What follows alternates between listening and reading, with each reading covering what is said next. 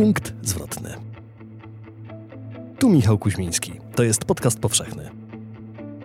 Na cykl rozmów o punktach zwrotnych w życiu i końcach, które stają się początkiem, zaprasza Katarzyna Kubisiowska. Gościem dzisiejszego odcinka jest ksiądz Adam Boniecki. Nie umarłem, czyli jaka wycięto, chodzę na takie kontrole, czy się nie rozmnożył jakoś, ale się na razie nie rozmnaża, więc y, sprawa jest zamknięta, ale y, uważam, że ten moment był dla mnie bardzo ważny jako takie przeżycie wewnętrzne.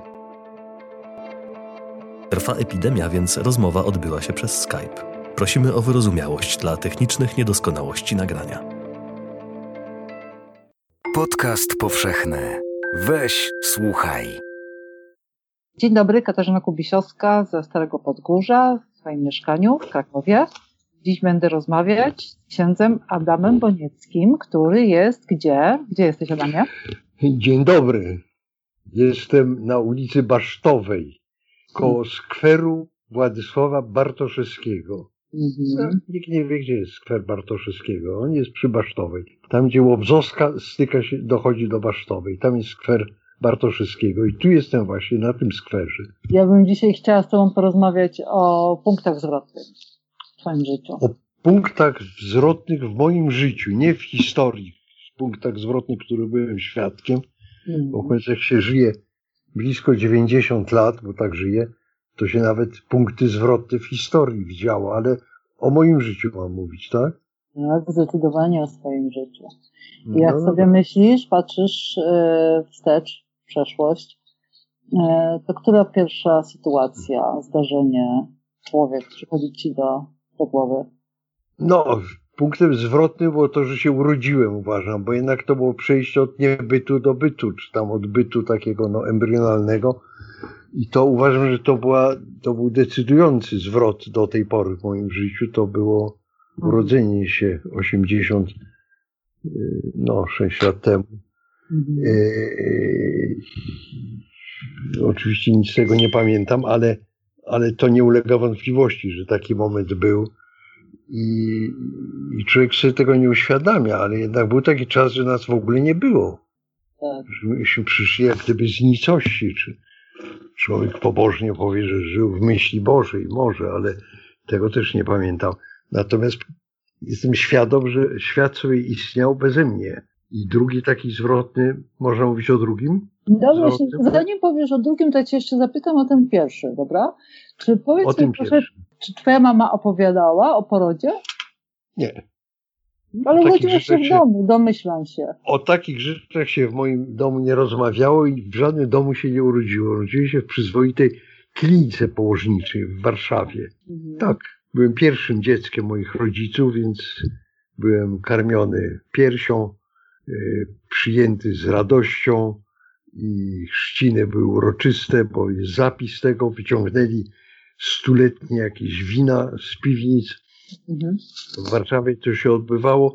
Jeszcze dodam, że ochrzcił mnie ksiądz, który potem został biskupem, więc też się wszystko wspaniale składa. Proboszcz parafii Świętego Krzyża w Warszawie. I stąd moja sympatia do tego kościoła. Bardzo chciałbym, żeby tam się odprawiła msza święta pogrzebowa, chociaż moi przełożeni zakonni nie bardzo się chcą na to zgodzić. No kłócę się z kolejnymi przełożonymi, żeby można było tam zrobić pogrzeb. To by było bardzo sympatycznie. Tam się zaczęło i tam się Mhm. by skończyło. No zobaczymy.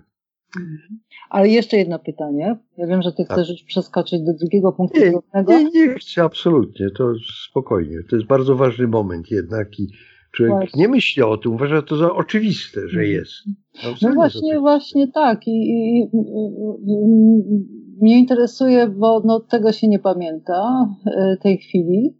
Natomiast e, jakie jest Twoje w ogóle pierwsze wspomnienie z dzieciństwa, które zachowałeś? To jest śmieszne, bo to jest takie wspomnienie lamp, jakie mnie naświetlali, kiedy byłem chory na szkarlatynę, czy potem, y, tego już nie wiem, ale, ale to wspomnienie takiej, takiej lampy do naświetlania, nigdy potem takiej nie widziałem lampy z takimi wieloma żarówkami.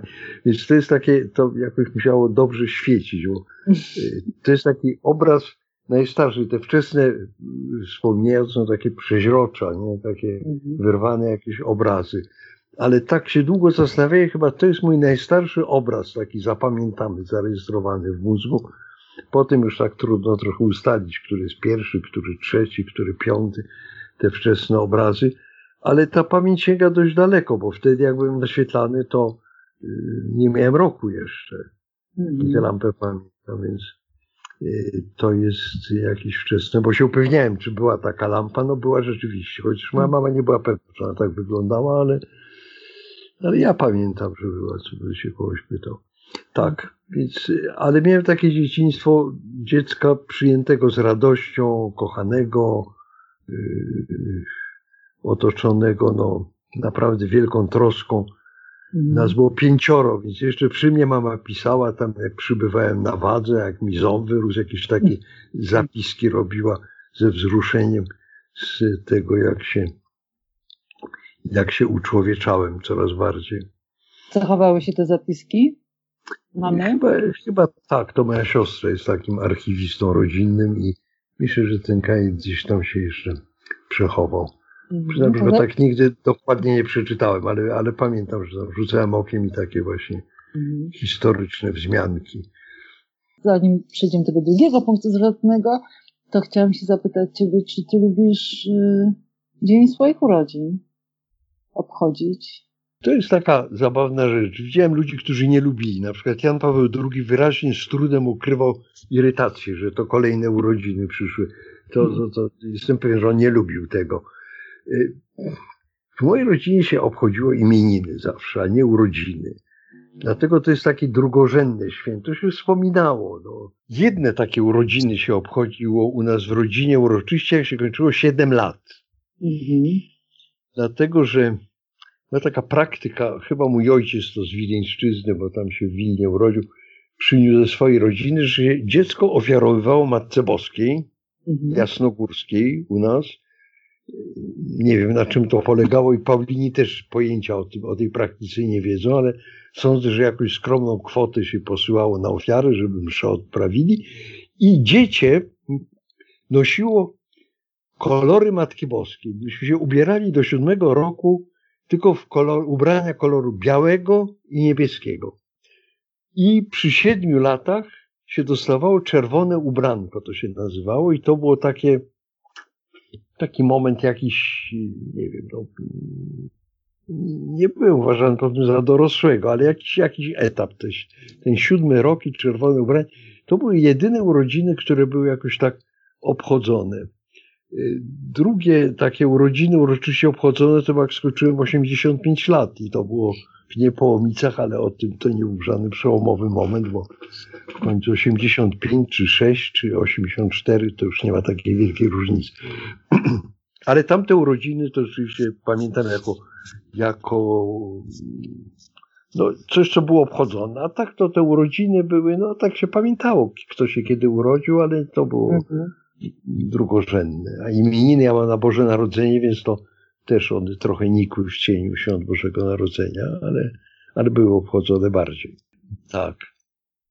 Jakieś świeczki może były, ale to Dzień urodzin dla mnie nie jest takim dniem y, bardzo ważnym jakoś.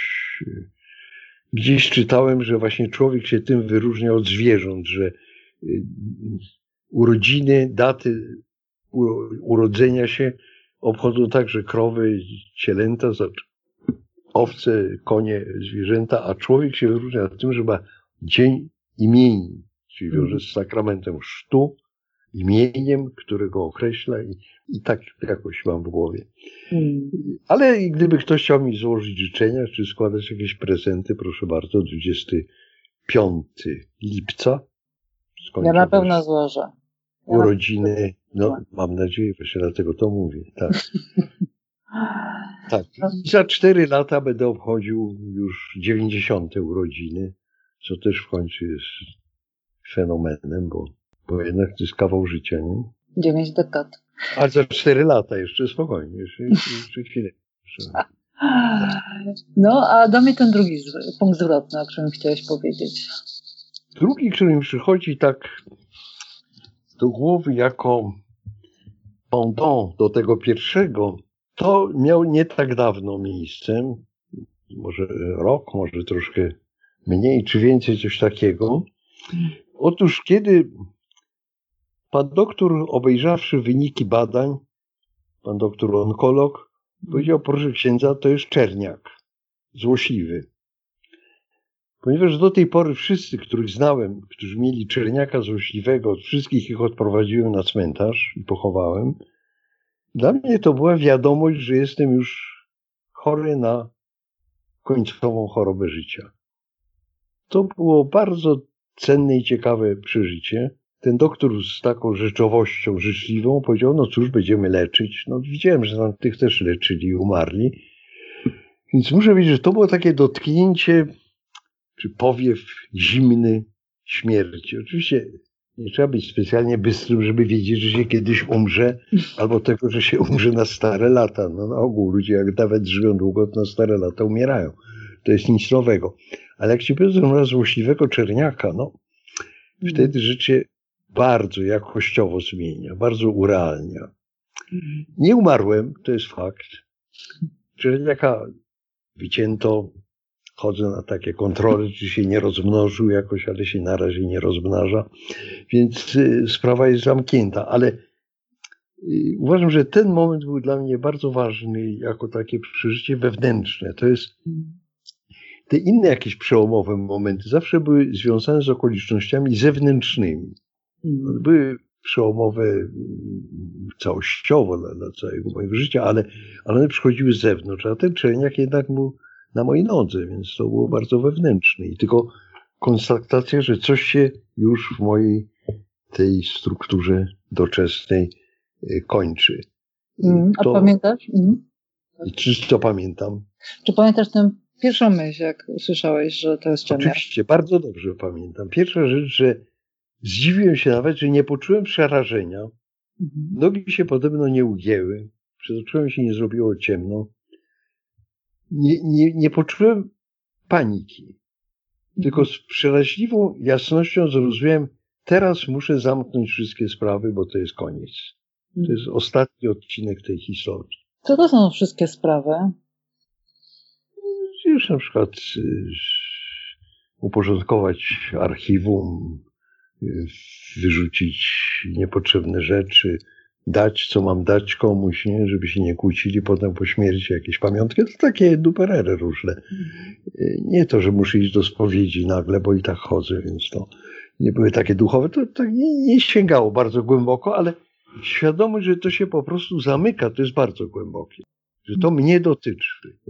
Ja myślę, że po tym przeżyciu jestem trochę innym człowiekiem. To, to uważam, że to są te przełomy, gdzie człowiek jednak jest trochę inny, że coś go dotknęło bardzo głęboko.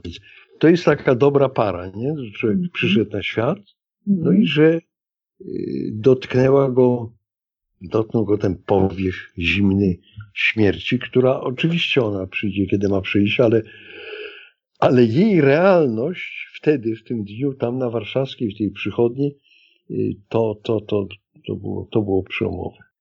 W ogóle ja myślę, że takie spotkania ze śmiercią, niektóre to są przełomami. Tak samo śmierć mojej mamy. Ja byłem człowiekiem zupełnie już dorosłym, w Rzymie pracowałem i wiedziałem, że jest chora nieuleczalnie, że, że to się ta choroba tak skończy. I to jest też niespodziewane zupełnie dla mnie było, jak to było straszliwie mocne przeżycie, bo kiedy umierają, nie ma, już mój ojciec nie żył dawno, że kiedy już nie ma rodziców, to też jest inaczej człowiek istnieje. To się kończy coś, co było zawsze. Mhm. Mama zawsze była, odkąd y, sięgam pamięcią jeszcze wcześniej. I to była taka część świata pewnego, stałego. Jej miłość, jej y, więź, jej, y, po prostu ta obecność matki to jest coś, coś fantastycznego. I człowiek tego nie docenia, tylko nagle, kiedy Koniec, nie ma już tego. Jest przeniesione do innych wymiarów. Owszem, tego to się odkrywa później, ale trzecim takim, co do ważności przełomów, to bym tutaj połączył yy, jeszcze do tego właśnie śmierć mojej mamy. Yy, to już było w latach 80. czy 90., nie pamiętam nawet dokładnie datę, ale y, to było 99 czy coś takiego. Ale y, tak, to człowiek się staje wtedy tak nieodwołalnie dorosły już. Przecież nie zawsze czułem dorosły i miałem odpowiedzialne jakieś miejsca, obowiązki, a jednak to są takie przełomy, które sięgają w głąb. No, jeszcze się nie mówi już tak często słowa mamo. W ogóle się nie mówi. Mm. To jest, to jest koniec. To jest, to jest koniec już. Już nie ma. Te, te, już, już ten rozdział definitywnie się skończył. To jest jednak inny sposób istnienia później. No, a wcześniej straciłeś tatę. Przecież jako chłopiec z okupacji. To przypuszczam, że to był też przełom ogromny w Twoim życiu.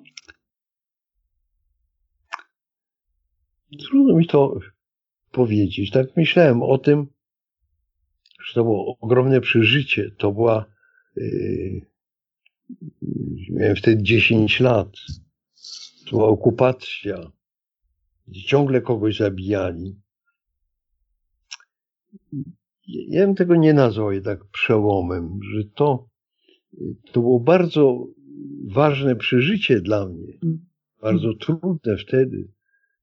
Ale czy to był przełom? Już myśmy nie żyli tak jak dzisiaj rodzice z dziećmi na kupie w jednym mieszkaniu, dwa pokoje z kuchnią, wszyscy to był wielki dom. Rodzice mieszkali w innej części. Przychodzili na dzień dobry do rodziców i potem wieczorem ewentualnie oni przychodzili powiedzieć tam dobranoc, ale oni mieli swoje to, to nie była taka więź codzienna z statusem, którym się gra w piłkę, chodzi na plażę i kopie dołki i on.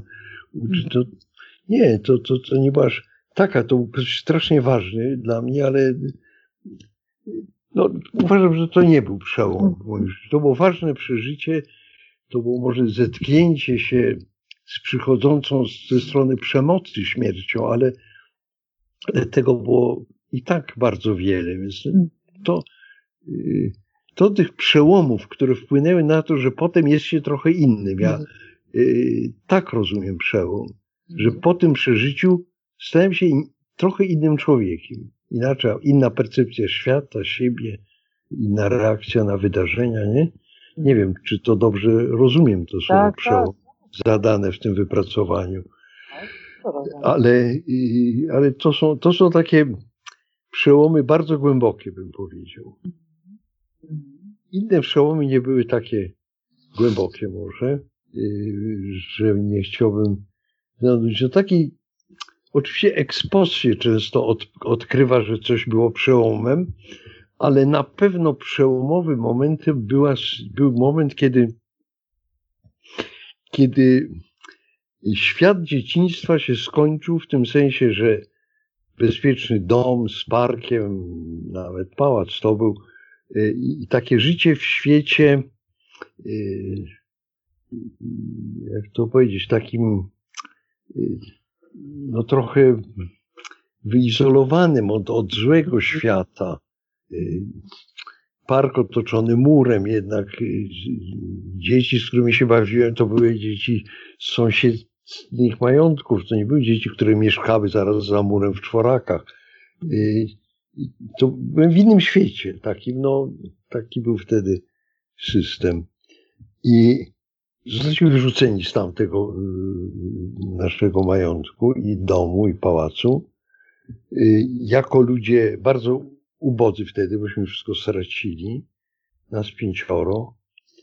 Zamieszkaliśmy w takim małym domku w miejscowości miasteczku Mogielnica w Grujeckim y, i nagle już to nie było tak, że jakaś bona, która się nami opiekuje, bo była taka nawet dwie do nas pięciorga, y, a no nie dało się tak. Myśmy zostali puszczeni w dużej mierze y, luzem.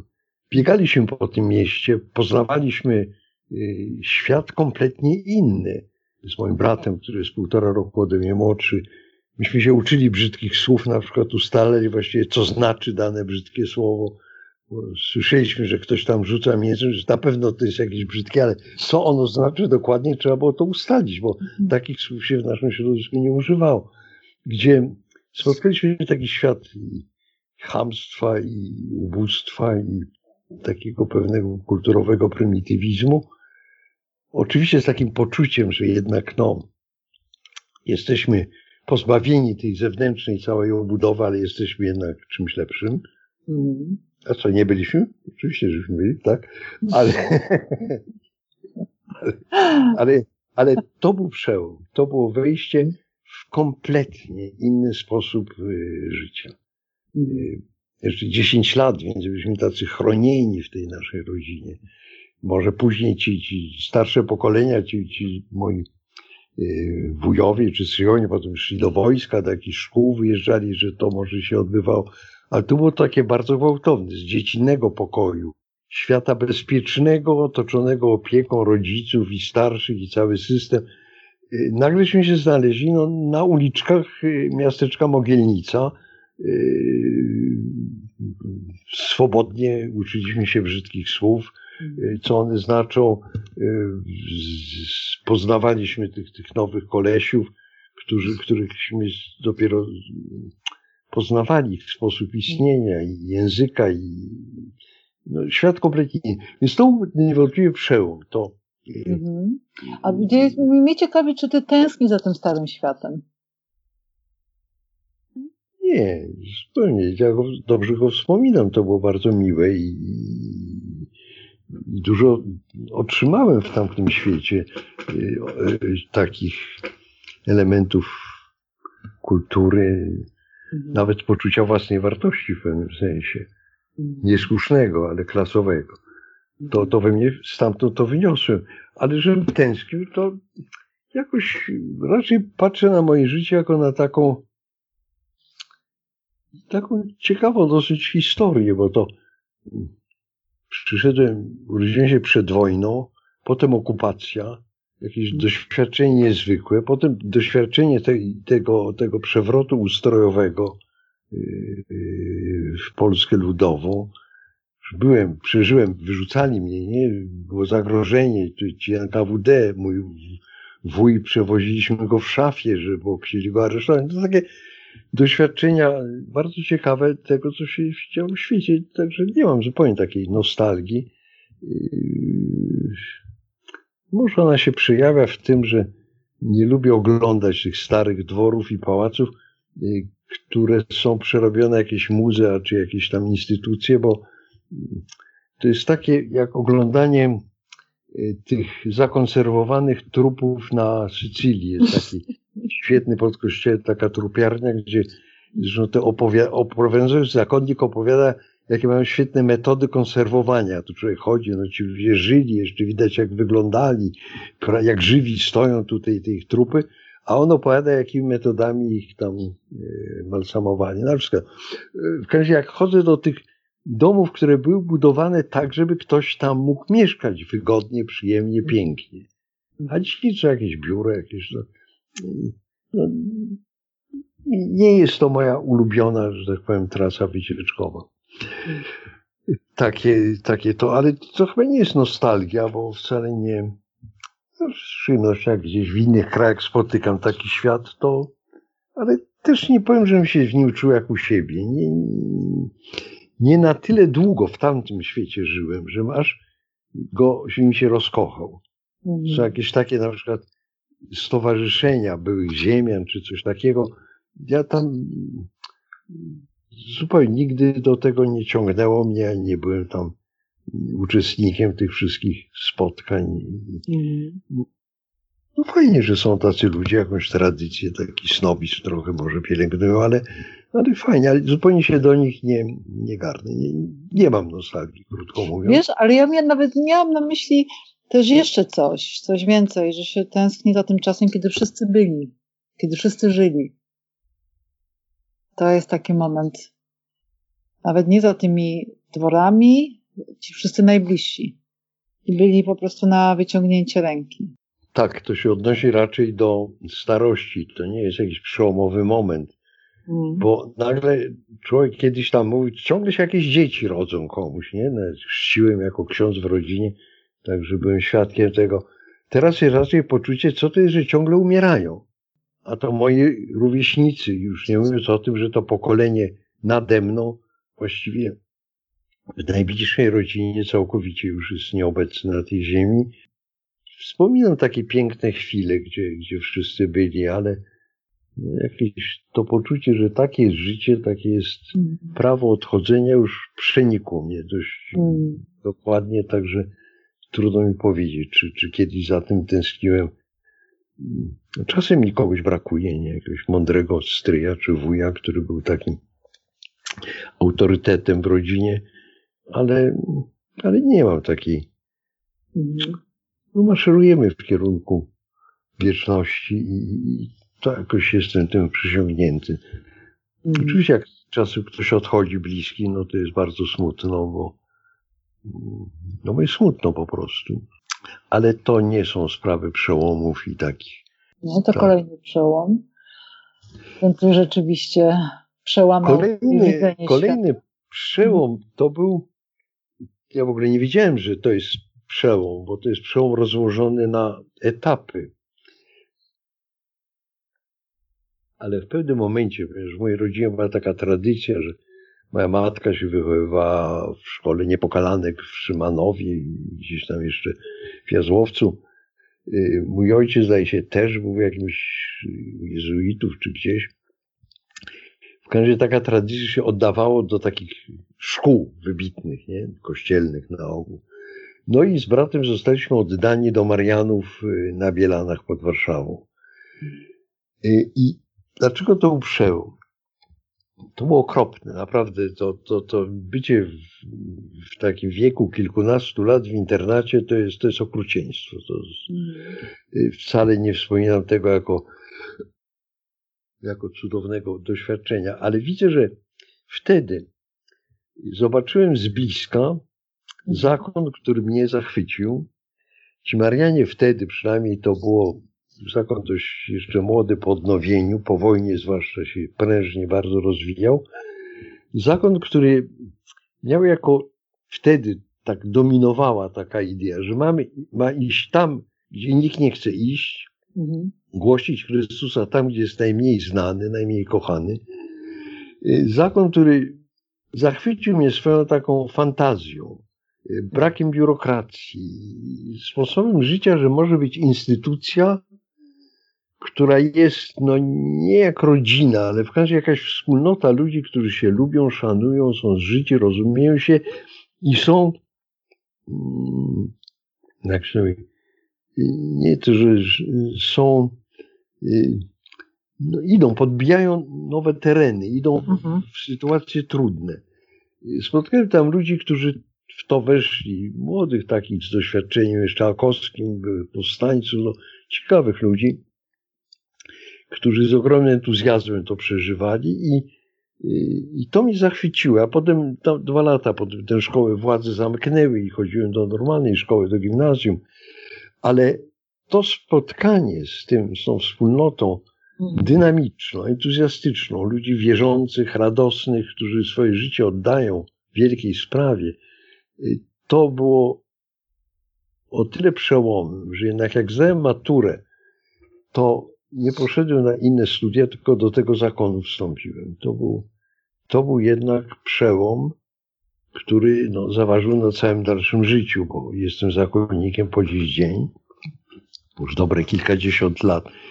Y, wszedłem w świat kompletnie inny, inny styl życia, mieszkania, jedzenia, pracy, y, rzeczy, których nigdy przedtem nie, nie, nie robiłem, bo to klasztor w takiej wiejskiej parafii, trzeba było w ogrodzie pracować, w polu kartofle kopać, świnie obrządzić, tam obrządzić, no w sensie gnój wyrzucić od świn, czy coś mhm. takiego, takie rozmaite prace.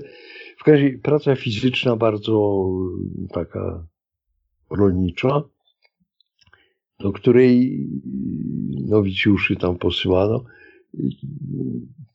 No w każdym razie to był wybór nowego sposobu życia, mhm. zakonnego. To jest niesamowite, prawda? Bo on po prostu dokonał się jednak w tobie jako młodym człowieku, ten wybór, nie? A no tak, po maturze. Decyduje no. się na całe 18 lat, czy coś no. takiego. To jest yy, w tym momencie młodsi ode mnie, na ogół prawie wszyscy byli. Mhm. Ale to był wybór, to jest jednak taki czas próby, nie? I w tym nowicjacie to wejście, ale na tym ten przełom, on ma dwie, dwie, dwa etapy właściwie. Że jednak nie, nie, zdając sobie sprawy, ja miałem takie poczucie, że jednak to jest taka, że ja, Adam Boniecki, wstąpiłem do takiego zakonu skromnego, oddałem swoje życie Panu Bogu, to jednak taka z mojej strony duża uprzejmość i gest wspaniały.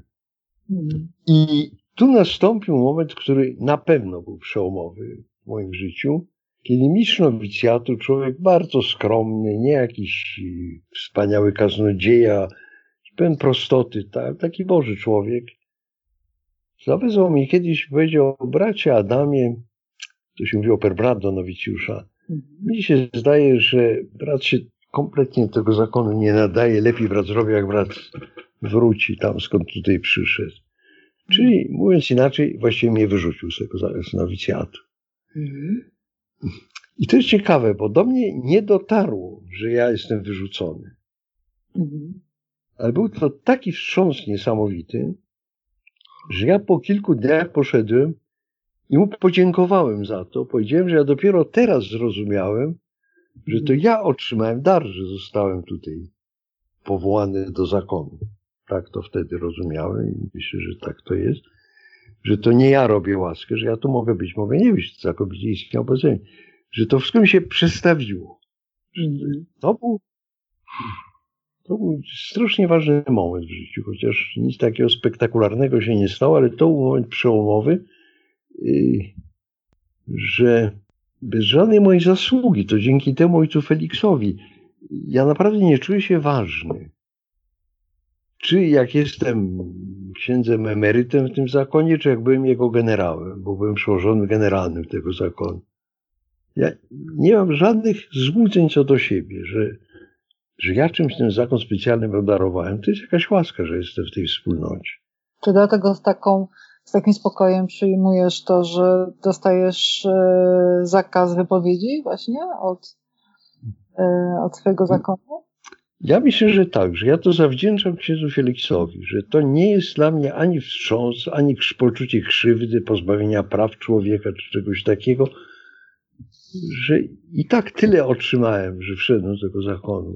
Sam fakt należenia do niego, że to jest w jakimś innym porządku dużo więcej warte i że to nie jest warte takiego krzyku i, i to nigdy nie było dla mnie dramatem, te zakazy. Dwa, Dwa mhm. razy dostałem taki zakaz.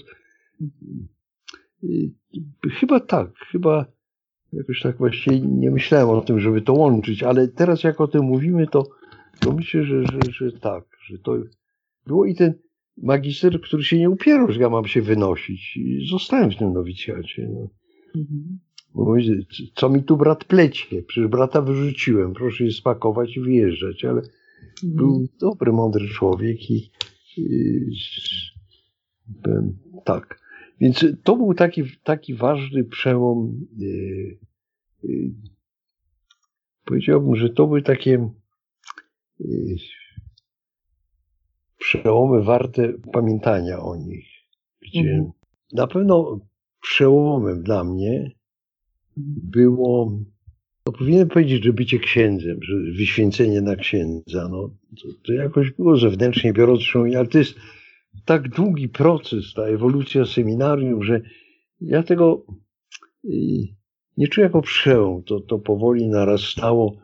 Oczywiście to szalenie zmieniło mój sposób istnienia. Natomiast takim przełomem, o którym można było opowiedzieć, to było spotkanie z tygodnikiem powszechnym.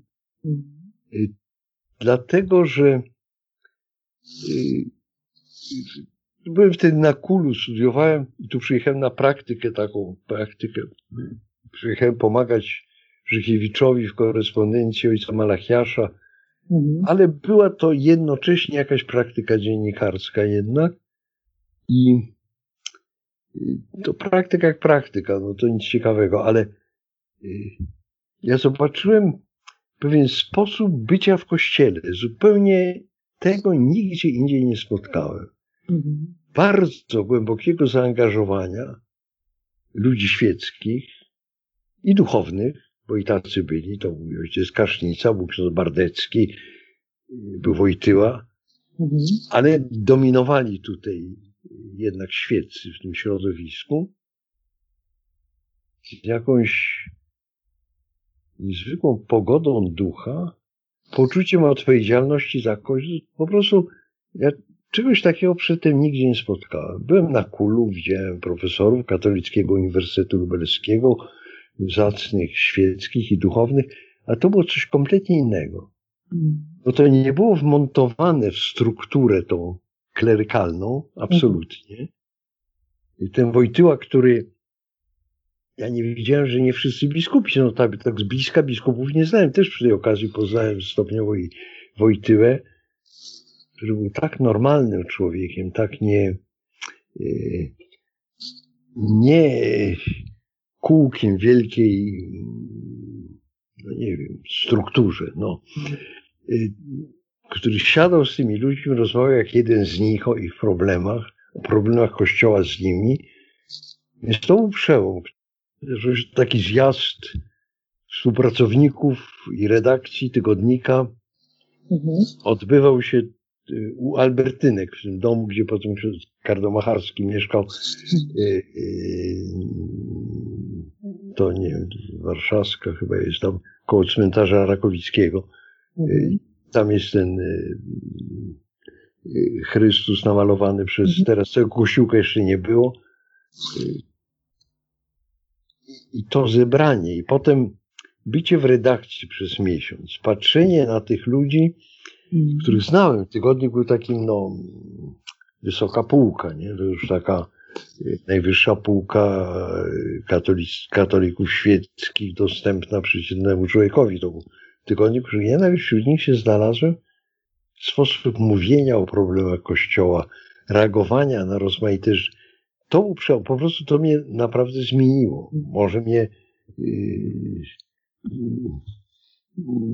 na nieszczęście ktoś powie, że tu zostałem zakażony jakąś, jakąś mentalnością yy, niewłaściwą. Tak niektórzy to oceniają. Piszą do mnie anonimowi autorzy.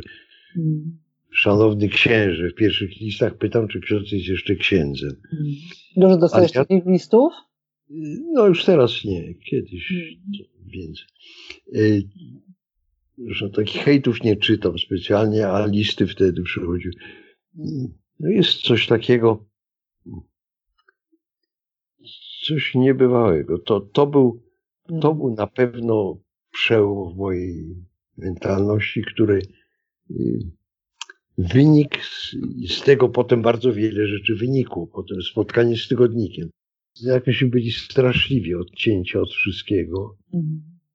I spędziłem dwa czy dwa i pół roku we Francji, poznając bardzo z dużą energią y, tamtejszy świat i katolicyzm francuski, różnych ludzi, różne postacie, różne środowiska. Y, to było przełomowe tak kiedyś mi powiedział jakiś mój katecheta, jezuita, słuchaj, jak masz możliwość wyjechania za granicę jesteś na studiach, przerwij studia, jedź. Jeden rok za granicą to jest jak dwa czy trzy lata studiów wyższych. Mm. Więc tu coś takiego było, że to było rozszerzenie y, perspektywy. Mm. Zobaczenie, że ludzie żyją inaczej, myślą inaczej, mają inne nawyki, to, to się niby wie z książek i z, no wie się takie rzeczy, ale co innego wiedzieć, co innego wejść w ten inny świat i w nim jakoś tam funkcjonować. Czas skończyć nasze rozmowy. Na pewno też przełomową sprawą były lata przepracowane w Watykanie. Mhm. To jest y, doświadczenie nieprawdopodobne, że jak się pracuje w Watykanie, jeszcze mając znajomego papieża, nie? do którego się czasem idzie na obiad, czy z którym można sobie porozmawiać szczerze. A to była taka sytuacja. Ale przy okazji zobaczenie Watykanu, poznanie go trochę, ówczesnego Watykanu, zobaczenie Kościoła z tej perspektywy, całego Kościoła, to jest, y, to było przemowy. Stamtąd wróciłem jednak innym człowiekiem. Chciałbym aż powiedzieć, że mądrzejszy. Nie, nie mówię, że mądry, ale może byłem tak głupi, że y, to, że mądrzejszy też nie znaczy, że byłem całkiem mądry, ale, y, ale to, było, to było przełomowe i każdemu życzę, żeby takie doświadczenie miał. I to było też wspaniałe, że ja nie byłem wmontowany w, w te struktury kongregacji rzymskich, że tak powiem, urzędów, że ja tam byłem w Obserwatory Romano, więc takie obserwatorium nie mam. Będąc jednocześnie korespondentem tygodnika, więc jeszcze zmuszony do tego, żeby ująć to jakoś słowa, opowiedzieć to na bieżąco y, czytelnikom tygodnika. Y, to były, to były przełomy, które mnie zmieniały. No tak aż do tego Czerniaka i po prostu tu się kończy opowieść o przełomach. Oczywiście różnych przełomów, przełomików y, w życiu człowiek ma dużo więcej, ale y, te wydawały mi się takie nadające do opowiedzenia. Mm. Y, I tu jeszcze tylko jeszcze bym to dodał, że trzeba żyć uważnie, że tak widzę, że niektóre te przełomy tak z, z ostargnieniem, sobie nie zdawałem sprawy, że to jest przełomowy moment, ex post. Mm. Już będąc w Watykanie wiedziałem, to sobie nie wraci, to, to nigdy mi się coś takiego w życiu już nie zdarzy.